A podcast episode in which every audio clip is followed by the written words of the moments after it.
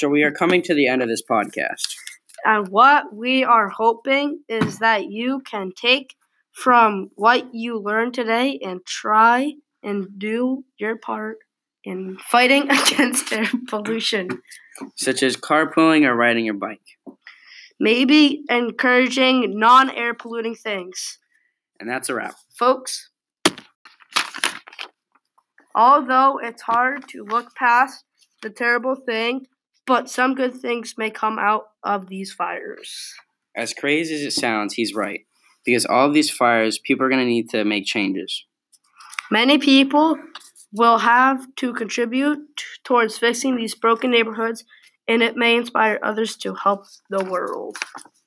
A lot of people are rather wealthy, wealthy in California, making possible contributors towards fixing these charred neighborhoods. And that 3 million people die per year due to this polluted air, and it's still rising. A lot of children are undergoing poverty, and children are more immune and easily hurt in some way by this pollution.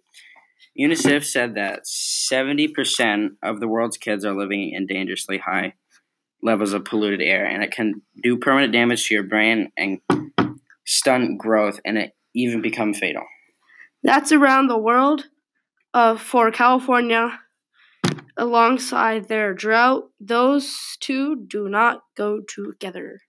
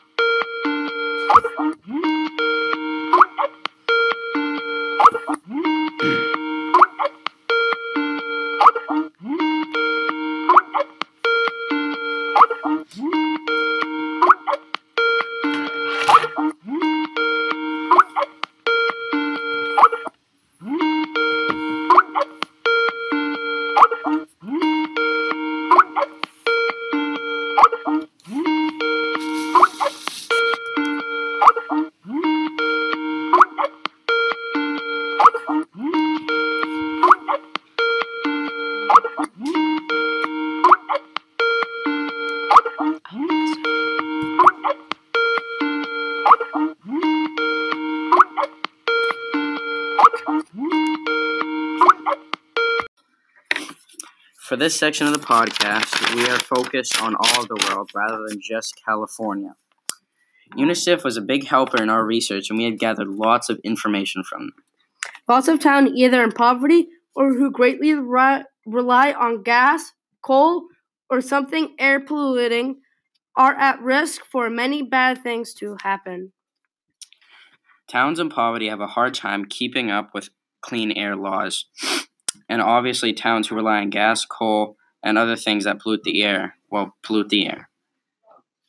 According to UNICEF, about 300 million children living in pollution, 222 million are in southern Asia, which typically holds the most of the air pollution. And that 3 mil. Is that true? Wait.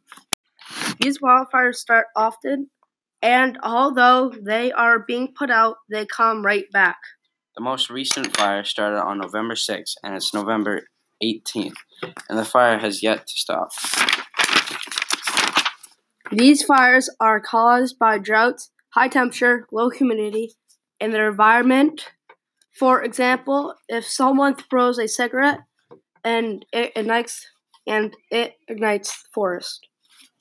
Also, polluted air can cause dry areas to spark a flame. In a news article from New Zealand, they say in, in some parts of California, their air is eight is considered eight times as polluted as what's considered healthy air. And that people have had to wear face masks and permanently relocate their house because of how bad the damage is and the air pollution is. Although people have adapted to the possibility of these fires, they have not been pleased. If these if things don't get better, California is going to have to have major changes and restrictions. And if it gets better, the climate-based issues in California, neighborhood evacuations, and air pollution will start to get turn around. Our focus today is on California, although this is happening worldwide.